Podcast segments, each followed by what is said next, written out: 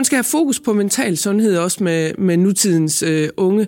Det, det fylder bare mere, du, og du skal, du skal give og tage dig tiden til at tage den der snak. Men hvis du prøver at spille dem gode i det, så, øh, så giver det også payoff. Det lykkes. Super. Hvor mange var det, var der drenge nu? Jamen, øh, der var øh, fire piger og otte drenge. Velkommen til Lærermesters værktøjskasse. En podcast med gode råd og værktøjer til dig, der uddanner elever og lærlinge inden for gardneri, land og skovbrug. Podcasten er iværksat af Jordbrugets Uddannelser, repræsenteret af GLSA, 3F og Landbrug og Fødevare, og din vært er Karin Eggersberg.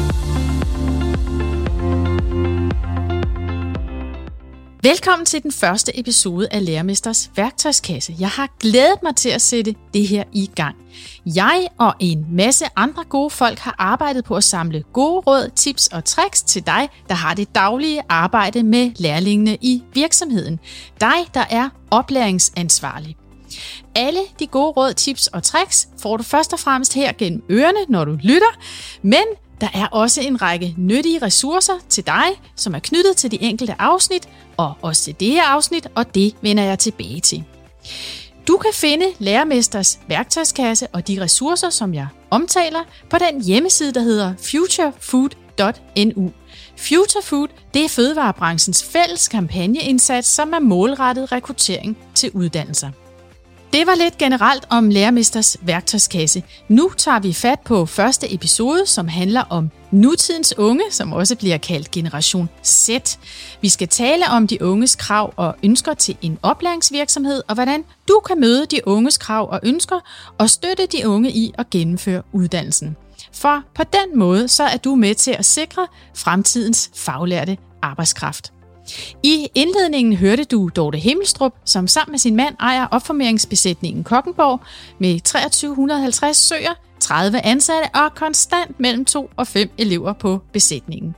Min kollega Søren Prehn har talt med Dorte og hendes produktionschef gennem 15 år, Jan Lytter Hansen, og vi skal høre, hvordan de gør på Kokkenborg for at være en attraktiv arbejdsplads for de unge. Søren har også talt med nogle elever fra Jordbrugets Uddannelsescenter i Bedre ved Aarhus om, hvad de mener er en god og en knap så god læreplads. Og endelig så har jeg også en gæst i studiet, som også kan hjælpe os med at gøre os klogere på Generation Z. Anne-Marie Holsbo fra Teknologisk Institut. Velkommen til. Tak skal du have. Tak fordi jeg måtte komme. Ja, det måtte du så gerne, fordi at jeg er meget interesseret i et projekt, som du har været med til. Titlen øh, på det, det er Den gode arbejdsplads for medarbejdere og elever. Anne-Marie, kunne du ikke lige øh, kort introducere dig selv, og så også øh, lige fortælle lidt om projektet? Øh, jeg er ansat på Teknologisk Institut arbejdet arbejder med erhvervsuddannelser i rigtig, rigtig mange år. Og har sådan meget hjerteblod i forhold til, at det er vigtigt, at vi får nogle gode erhvervsuddannelser, fordi det er grundlaget for hele vores samfund. Og det projekt, som du refererer til, det blev øh, ledet af os fra Teknologisk Institut, men så var der seks virksomheder med i det. Øh, alle sammen inden for det grønne område. Øh, det var øh, maskinstationer, det var øh, væksthuse, det var produktionsgardnerier og, en, og et enkelt øh, salgsgardneri. Og det, der var baggrunden for, at vi lavede det her projekt, er, at der mangler faglært arbejdskraft. Der mangler vanvittigt meget faglært arbejdskraft. Så det her projekt var sådan et forsøg på at bygge nogle øh, ideelle virksomheder, som kunne vise, hvad skal der til, for at det bliver godt at være elev. Fordi hvis det er godt at være elev, er det også godt at være voksen arbejdskraft. Det hænger nemlig sammen. Det lyder rigtig godt, og øh, vi er glade for, at vi øh, kan trække på din viden her, når vi skal tale om de unge. Øh, jeg kunne tænke mig nu at vende tilbage til Kokkenborg, hvor de har haft elever i rigtig mange år. Øh, jeg har en, øh, en udfarende kollega i felten, fordi vi rigtig gerne jo vil, vil også ud til virksomhederne og, og høre, hvad der sker der. Og Søren han er kørt til Sydfyn for at tale med Dorte og Jan om eleverne, og lad os lige høre, hvad de siger om Generation Z.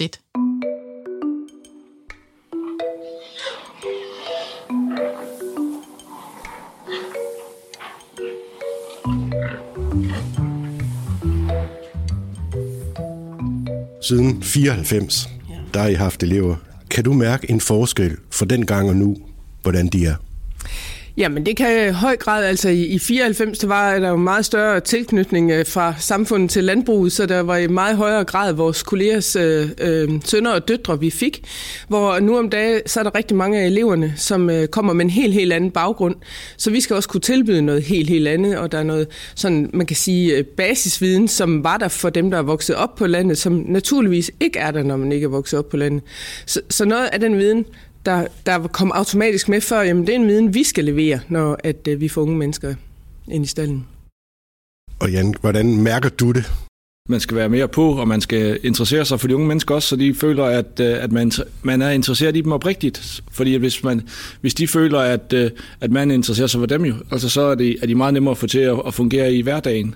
Man skal give sig tid til at forklare dem tingene, at der er ingenting, der er, er en selvfølge. Altså hvis man fortæller dem, og, og det kan godt være, at de skal have det vide mere end en gang, at så at, at bliver de øh, langt hovedparten af en, en succes. Anne-Marie, her hører vi om en elevtype, som ikke nødvendigvis kender til arbejdet i stallen, og som måske også har et større behov for at blive set og anerkendt. Ja, og det er noget af det, som man øh, identificerer øh, Generation Z med. Det her med behovet for at blive set og hørt og anerkendt. Og i, i vores projekt snakkede vi meget om det med de øh, øh arbejdsgivere, der var fra de øh, seks deltagende virksomheder. Og nogle af dem startede jo med at sige, at vi kan da ikke rende rundt hele tiden og rose og rose og rose.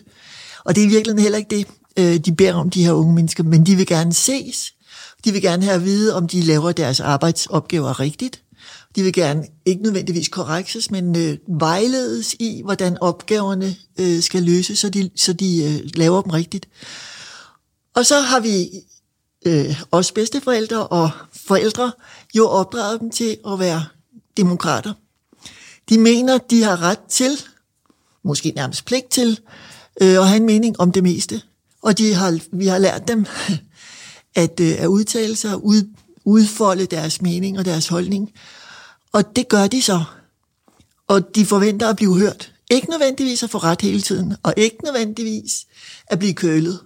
Men de forventer at blive hørt. Ja, det kender jeg i hvert fald godt fra mine egne børn. Ja, ja det er jo det. Det kender de fleste af os. Så er de jo vokset op i en tid, øh, hvor der har været evig opgang. Der har været rigelighed af ressourcer på alle mulige lederkanter. Og de har svært ved måske at lave sig nogle billeder af, at det pludselig ikke skulle være tilfældet. Fordi hvad skulle forhindre dem? Et andet karakteristika ved denne her øh, generation Z er, at de er vokset op med digitale platforme over det hele. Og virkeligheden, som vi vil kalde det, vi meget tusse gamle, øh, som er at deres praktikperiode på virksomheden, det er bare en af de platforme, som de agerer på. For de skal samtidig holde sig orienteret om, hvad der sker på deres personlige platformer, deres venneplatformer, deres alle mulige andre platforme. Og der er en konkurrence der hele tiden om opmærksomhed. Jeg kunne også godt tænke mig at tage lidt fat i, i det, som Jan han, han, øh, han peger på, det her med, at man skal interessere sig for de unge. Øh, og der er altså en anden øh, et væsentlighed omkring den relation, der er mellem øh, eleven og eksempelvis mesteren. Og så øh, kom jeg til at tænke på, at her i, i juni 21, der kom øh, EVA, Danmarks Evalueringsinstitut, ud med en undersøgelse af frafaldet på erhvervsuddannelserne, hvor de så har fokuseret på skolen, men der finder de i hvert fald ud af, at det her med forhold mellem lærer og elev øh, er særlig vigtigt for trivselen, og at det også påvirker fastholdelsen, altså at der er en god relation, øh, påvirker, at eleverne også kommer igennem uddannelsen. Og det tænker jeg bare er interessant her også, fordi der er jo også en tæt relation mellem øh, mester og elev. Og øh, vi har et, øh, et klip, som jeg gerne vil spille for dig også. Det er øh, Torbjørn, en landbrugselev fra Jordbrugets Uddannelsescenter, han beskriver en rigtig dårlig relation til sin mester. Så vil jeg gerne lige nævne her, at øh, altså, han taler ikke om Kokkenborg, det er ikke der, han har været. Så, okay. men, men lad os lige høre det. Kom i gang med en fejl til at køre øh, en slange en hydraulikslange af en minelæsser, øh, fordi at det var mega småt og bøvlet at komme ind der, hvor jeg var. Og så stod jeg og kiggede på den i en halv time, fordi jeg ikke turde ringe til ham. Øhm, det var forfærdeligt. Jeg blev pisse stresset af det det var, gik ud over alle omkring mig også, i mit privatliv efterfølgende også. Jeg var også i forhold til mestre, der er, eller let bliver sure. Øh, jeg havde ham, der blev pissegal. Han sagde tit, at han kunne ikke gøre for det. han eksploderede bare som bombe, og han mente det egentlig ikke. Øh, og det er aldrig en undskyldning. Øh, og det der med at sige, at jeg kan ikke gøre noget ved, at jeg bliver så sur, at det, det, held, det, det passer ikke. Det kan vi alle sammen arbejde med. Øh, også at du skal ikke tage det til dig. Det virker ikke, fordi det gør de uanset hvad, eleverne. Man kan ikke lade være med at tage det ind, når man får at vide, at man er en idiot af en chef. Altså Torbjørn, han beskriver jo her et lærested, som er præget af rigtig meget skæld ud. Mm. Er, er det noget, du har stødt på i det projekt, I arbejdede med? Nej, der var ikke nogen af de seks virksomheder, som deltog i projektet, der øh, reagerede på den måde i forhold til deres elever. Men der var nogle af eleverne, som havde været på nogle andre øh, øh, lærepladser tidligere, og var flyttet derfra, fordi de var blevet behandlet skidt. Det viser sig, når man samler de her elever, hvad vi gjorde et par gange for at høre, hvad de synes, der gør en god øh, læreplads, så er det sådan nogle helt grundlæggende ting. De vil behandles ordentligt. Hvem vil ikke det? De vil tales ordentligt til, de vil ikke råbe sig de vil respekteres. Og jeg, det er derfor, jeg siger, at det, som øh, gør den gode læreplads, i virkeligheden også gør en god arbejdsplads for os andre voksne. Vi vil også behandles på den måde. Det er sådan, i virkeligheden de gamle dyder, som, øh, som de sætter pris på. De vil også gerne have et sikkert arbejdsmiljø, de vil gerne have nogle gode forhold, men de vil først og fremmest behandles ordentligt, og de skal være et sted, hvor der er sat tid af til, at de kan blive klogere og lære. Men øh, jeg tænker på øh, sådan noget skæld ud der. Øh, det starter jo typisk med en, en irritation, et eller andet, man kan mærke, noget man, bliver, man reagerer på. Ikke?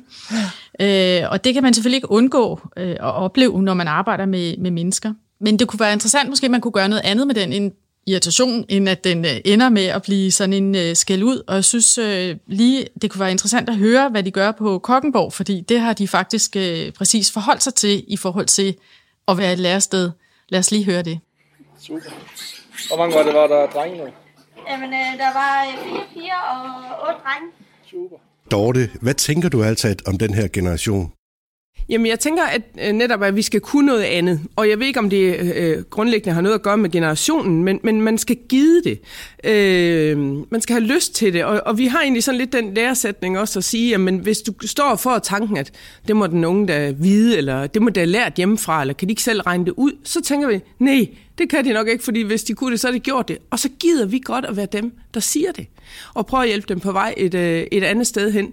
Og, og det tænker jeg også, at, øh, at det kan jo sådan lidt være det konkrete eksempel, at får vi øje på, at her er et, et ung menneske, der gør noget andet, end, end vi egentlig lige var det, vi, vi gerne vil have dem til. Men så i stedet for bare at gå og blive irriteret, så tager vi snakken om det, og prøver ligesom også at være ret tydelige i at få defineret, hvad er det for en spilleplade, vi kører på her, hvad, hvad er rammerne. Og, og når vi gider det, og gider at, at tage den der snak, i stedet for at gå og forvente, at det har de selv regnet ud, eller lært et eller andet andet sted, jamen så får vi faktisk ret god succes med det. Øh, så så det, det hjælper noget, men man skal give det. Så for der, som Jan også øh, giver udtryk for, så er der jo ting, man skal sige mange gange og igen og igen. Og Jan, hvordan undgår du sådan at blive irriteret? Jamen det er jo, at man skal have overskud til det. Og hvis man er presset i hverdagen, så, så, så har man ikke så meget overskud, men, men det er jo at forsøge ikke at have for travlt og, og tage sig tiden til dem. Fordi hvis man er stresset, så, så, så er det ikke altid, man har, har overskud til at få lige at formidle det hele. Men jeg tænker, at, at der skal være luft til, at man kan bruge tid på ledelse, fordi at, øh, at det er, vigtigt. Og det er også det, jeg tænker, det er en del af vores succes i, at vi kan fastholde medarbejdere, der har været her nogle i mange år, det er, at, at man formidler og snakker med dem, så de føler sig set. Fordi hvis de føler sig set og værdsat, så, så vil de også gøre alt for os jo, og gøre alt, hvad de kan i det. Det handler om at tage snakken. Altså, hvad øh, tænker du, der ligger i det, tage snakken? Mm, ja, først og fremmest så tænker jeg, at de lægger ligesom op til, at den her generation sæt, og, og det er en ny situation at have elever på den her måde, og det tror jeg egentlig ikke, det er. Jeg tror altid, det har været et arbejde at have lærlinge eller elever. Jeg tror altid, at man som virksomhed har skulle investere i dem, hvis man vil have noget godt ud af det. Så kan der være det her perspektiv, som øh, der blev talt om i begyndelsen, at mange af de unge mennesker, der kommer til det grønne område nu, kommer der, fordi de synes, det er rigtigt, og det er bæredygtigt, og det er spændende, og det er ud i den friske luft. Men de har faktisk ikke nogen øh, baggrundsviden. Hvis de vokser op herinde i byen på Nørrebro, så ved de ikke noget om at køre møg eller skovle, og så videre, og så videre. Så der er nogle ting, der skal øh, introduceres til dem, som de ikke har fået ind med modermælken. Og det kan være den forskel, der er i forhold til, hvordan det var tidligere. Men altså de der grundlæggende øh, investeringer, man skal gøre i at have en elev, som, som blomstrer ved det. det. Det tror jeg ikke, der er så meget forskel på. Og man kan sige, at nogle af de ting, som vi snakkede en del om, det er jo det her med, at at nogle af dem kommer som, hvad de kalder nogle kejler, og kasketten sidder forkert, og de er nogle mærkelige nogen, som ikke kan finde ud af noget som helst. Men så vokser de jo med opgaven, og de bliver pludselig en del af virksomheden. De bliver en slags minifaglært, og de bliver enormt stolte. Og så bliver virksomheden, altså de ledere, som pludselig skal, eller ikke pludselig, men skal til svendeprøve, øh, fordi nu har Brian faktisk blevet en voksen menneske, og har fået vendt kasketten. De er jo så øh, pivstolte. Ja. Så det kan godt betale sig at lave den her investering. Ja. Men hvis vi, hvis vi tager sådan en helt konkret situation, altså mm. hvor der lige præcis så er det her unge menneske, som ikke kan finde ud af at feje, eller hvad det nu er, altså, og vi så har det der begreb med, at vi tager snakken, altså hvad, hvad, hvad gør man så helt konkret? Jamen man gør det, som der bliver sagt, man tager snakken. Man forsøger at tage sig tid til det. Man forsøger at finde et sprog, som begge parter kan være i, og forstå, hvad der bliver sagt fra om vi vil, modpartens side. Øh, og, og det kan jo det, det kan godt lyde sådan lidt floskel, og, og måske nemmere, end det i nogle situationer vil være, men det, det er det, der skal til. Det er det, man er nødt til, og som jeg tror, man altid har været nødt til, når man havde øh, lærling også tidligere. Ikke?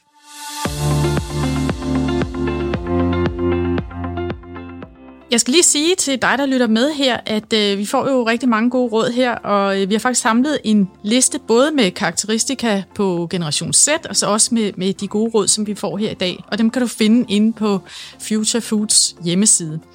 Men øh, nu har vi snakket om lidt med, hvad der kan gå galt, og jeg synes lige også, at vi skal høre en solstrålehistorie og et eksempel på, hvordan øh, vi kan have et rigtig godt læringsmiljø. Vi har nogle elever, der roser deres lærested, og det kan man altså blive helt varm om hjertet af. Og først er det Maria, som er planteskolegartner fra Jordbrugets Uddannelsescenter, og så er det Torbjørn igen, der heldigvis også har været et godt sted. Altså en god oplevelse er at komme øh, og sige til ens elever, at man egentlig har gjort et rigtig godt stykke arbejde. Efter over en periode, hvor man måske har haft travlt og haft meget overarbejde, og der har været meget at se til, at de så lige kommer og siger, godt gået, det er fandme fedt, at I lige tager fat i den her periode, og selvom at det er rigtig hårdt, øh, det er sgu en fed besked at få. Jeg havde en, en driftleder, der var, ah, jamen, han var nærmest vidunderlig. Han kiggede altid med kærlige øjne på en, også selvom du smadrer et eller andet. Jeg plejede at sige, at han var verdensmester til at sige pyt. Øhm, øh, vi havde den anden elev, hun rykkede en inventarpæl op af, af gulvet i stallen, fordi hun glemte at kigge sig for med minilæseren. Og så kom han med et smil, og så gav han en boremaskine og nogle nye bold til at sætte pælen i jorden, og så sagde han, værsgo. Og jamen altså lige øh, spurgt, hvordan man havde det, og hvordan går det i fritiden, whatever. Øhm, og inddraget en så meget som muligt øh, i, hvad der foregår, og sådan, hey, her om to uger, der skal vi klovbeskære. Øh, prøv lige at se de her tal, hvordan går det lige? Det går sgu da skide godt med mælkeafregningen lige nu. Og brugt tid sammen med, sammen med en, når man var ude og lave et eller andet. Han sagde tit, at jeg vil hellere bruge en time sammen med dig, øh, end at gøre det selv, fordi at hvis jeg bruger en time sammen med dig om dagen, så øh, kan jeg holde fri i stedet for bagefter. Fordi så har du fem år styr på tingene. Og så ved jeg, at du gør det ordentligt. Og jeg ved også, at du ringer, hvis der går et eller andet galt. Øh, fordi at jeg skiller ikke ud på dig, hvis du, hvis du laver lort i den. Så siger jeg, så løser vi det. I stedet for at øh, sige, at jeg er en idiot, for jeg ved det godt selv. Anne-Marie, hvad tænker du, når du hører eleverne her? Jeg synes, det er en skøn historie, Torbjørn kan levere. Altså, han har jo helt tydeligt haft en leder, som ser ham og hører ham og respekterer ham og lader ham få, få lov at udfolde sig så godt ham, som han nu kan i forhold til, hvor langt han er i, sin, øh, i sit uddannelsesforløb. Det er helt centralt, at man reagerer på den måde som lærersted, som voksen i, i sådan et, et læringsforhold. Lad os lige tage ud til Kokkenborg igen, øh, og lige høre, få lidt flere idéer øh, ud fra dem fra, fra virkeligheden.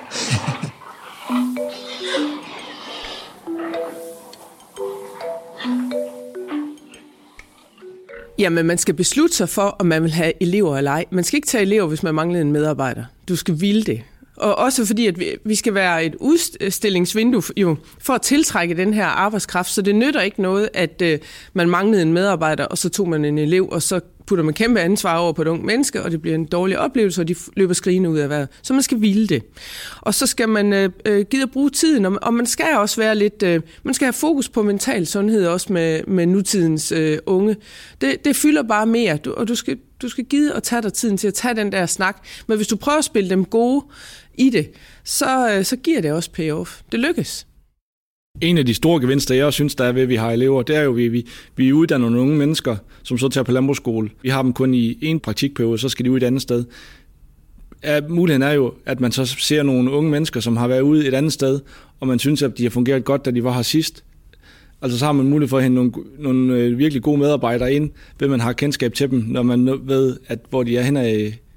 og det er jo også nemmere, hvis du har nogle gode relationer til dem. Jamen, så er det jo nemmere, hvis du siger, at nu mangler jeg en til fast eller en til løbeafdeling, så, så kan man nemmere ringe og sige, hej, hvordan går det? Og, og hvis de så øh, kunne tænke sig noget andet, altså så har man re- relationen til dem, og derfor kan man, ved man jo også øh, bedre, hvad det er, man får ind, og at man har muligheden for at, at udvikle nogle, nogle medarbejdere på sigt ud i fremtiden. Så det er jo også en investering i, at man har de der elever. Det er jo, at, at det kan jo være den næste medarbejder, eller afdelingsleder, eller driftleder, man, at man har i pipeline jo. Anne-Marie, de er jo meget tydelige øh, på Kongenborg med hensyn til det her med, at man kun skal tale jord, hvis man vil bruge tiden på det. Øh, men så har de også omvendt den her interessante pointe med, at, øh, at relationen også kan påvirke, at de selv kan få en god arbejdskraft. Ja, og det er jo det, der er pointen, øh, når man tager en elev ind, som er øh, frisk fra fad, frisk fra uddannelsessted, øh, har ofte jo nogle nye perspektiver, nogle nye idéer, som den åbne læreplads kan tage ind og sige, nej, det var skidt øh, inspirerende, lad os høre noget mere om det. Så de ikke bare bliver hentet ind og skal gøre, ligesom vi altid har haft gjort. Det er en meget god idé at være opmærksom på det. Her til sidst, så er der lige øh, noget, jeg alligevel øh, kan mærke, at jeg øh, har lyst til at spørge om. Og det er, at en ting er, at vi har opdraget de her unge mennesker til at at være i sådan en, en nærværende og, og, hvad skal man sige, ligeværdig dialog mm, med os. Mm. Men kan der også være en, en grænse for, altså hvad vi, om jeg så må sige, skal stille op til? Altså er de måske også bare lidt forkælet og vant til at blive strøget med, med hårene? Øhm, altså skal de ikke også lære at, at være i virkeligheden på en arbejdsplads? Selvfølgelig skal de lære at være i virkeligheden. Det er klart. Men det lærer de jo også ved at blive behandlet ordentligt. Og man lærer ingenting ved at blive behandlet skidt. Øhm, og de her unge mennesker, de vil, øh, de vil gerne bidrage, jo. Men selvfølgelig er det os, der er de voksne, det er os, der er øh, virksomhedslederne, eller lærerne, eller forældrene.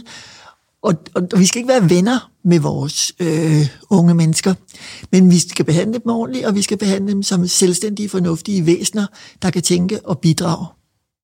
Ja, det synes jeg er en rigtig god pointe, og også et godt sted at slutte. Og her er jeg så med de tre vigtigste råd, som jeg tænker, du kan have gavn af som oplæringsansvarlig. Det første råd, synes jeg, er det her med at opbygge en god relation til de unge. Vi ved jo noget, at det betyder noget for generation Z at blive set og hørt og anerkendt. Så husk at sige godmorgen, spørg hvordan de har det og hvad de lavede i weekenden. Den gode relation er ikke kun vigtig for de unge, den er også vigtig for dig, og ikke mindst fordi der dermed er større sandsynlighed for, at de unge vil have lyst til at arbejde for dig i fremtiden, og hvem ved, hvornår du næste gang har brug for faglært arbejdskraft. Det næste råd, det handler om god kommunikation.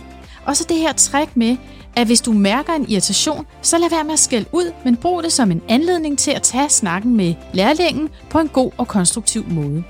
Vi skal vejlede og guide i stedet for at i rettesætte, og hvis du synes, du skal sige tingene igen og igen, så har du sikkert ret, for mange af nutidens unge har ikke noget forkendskab til dit fag. Det sidste råd er tid. Det tager tid at have lærlinge, og du skal ville det.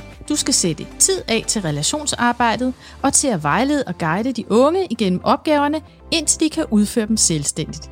Så ender du med at se et menneske vokse og lykkes, og du er med til at skabe fremtidens faglærte arbejdskraft.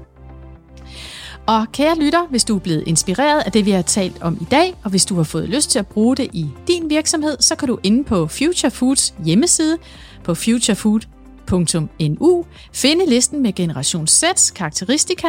Du kan også finde de tre gode råd, som jeg lige har ridset op, og så kan du finde andre relevante links, hvor du kan læse mere om Generation Z. Har du lyst til at høre mere, så er der en række andre episoder med fokus på din opgave som oplæringsansvarlig og hvordan du kan lykkes med den og med at sikre fremtidens faglærte arbejdskraft.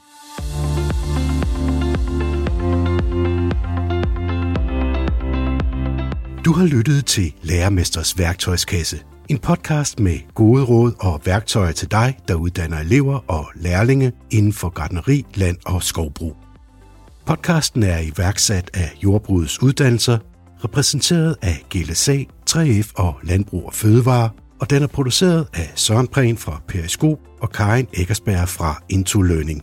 Find Lærermesters værktøjskasse og alle de gode råd, tips og tricks samt ressourcer fra de enkelte episoder på futurefood.nu, altså futurefood.nu.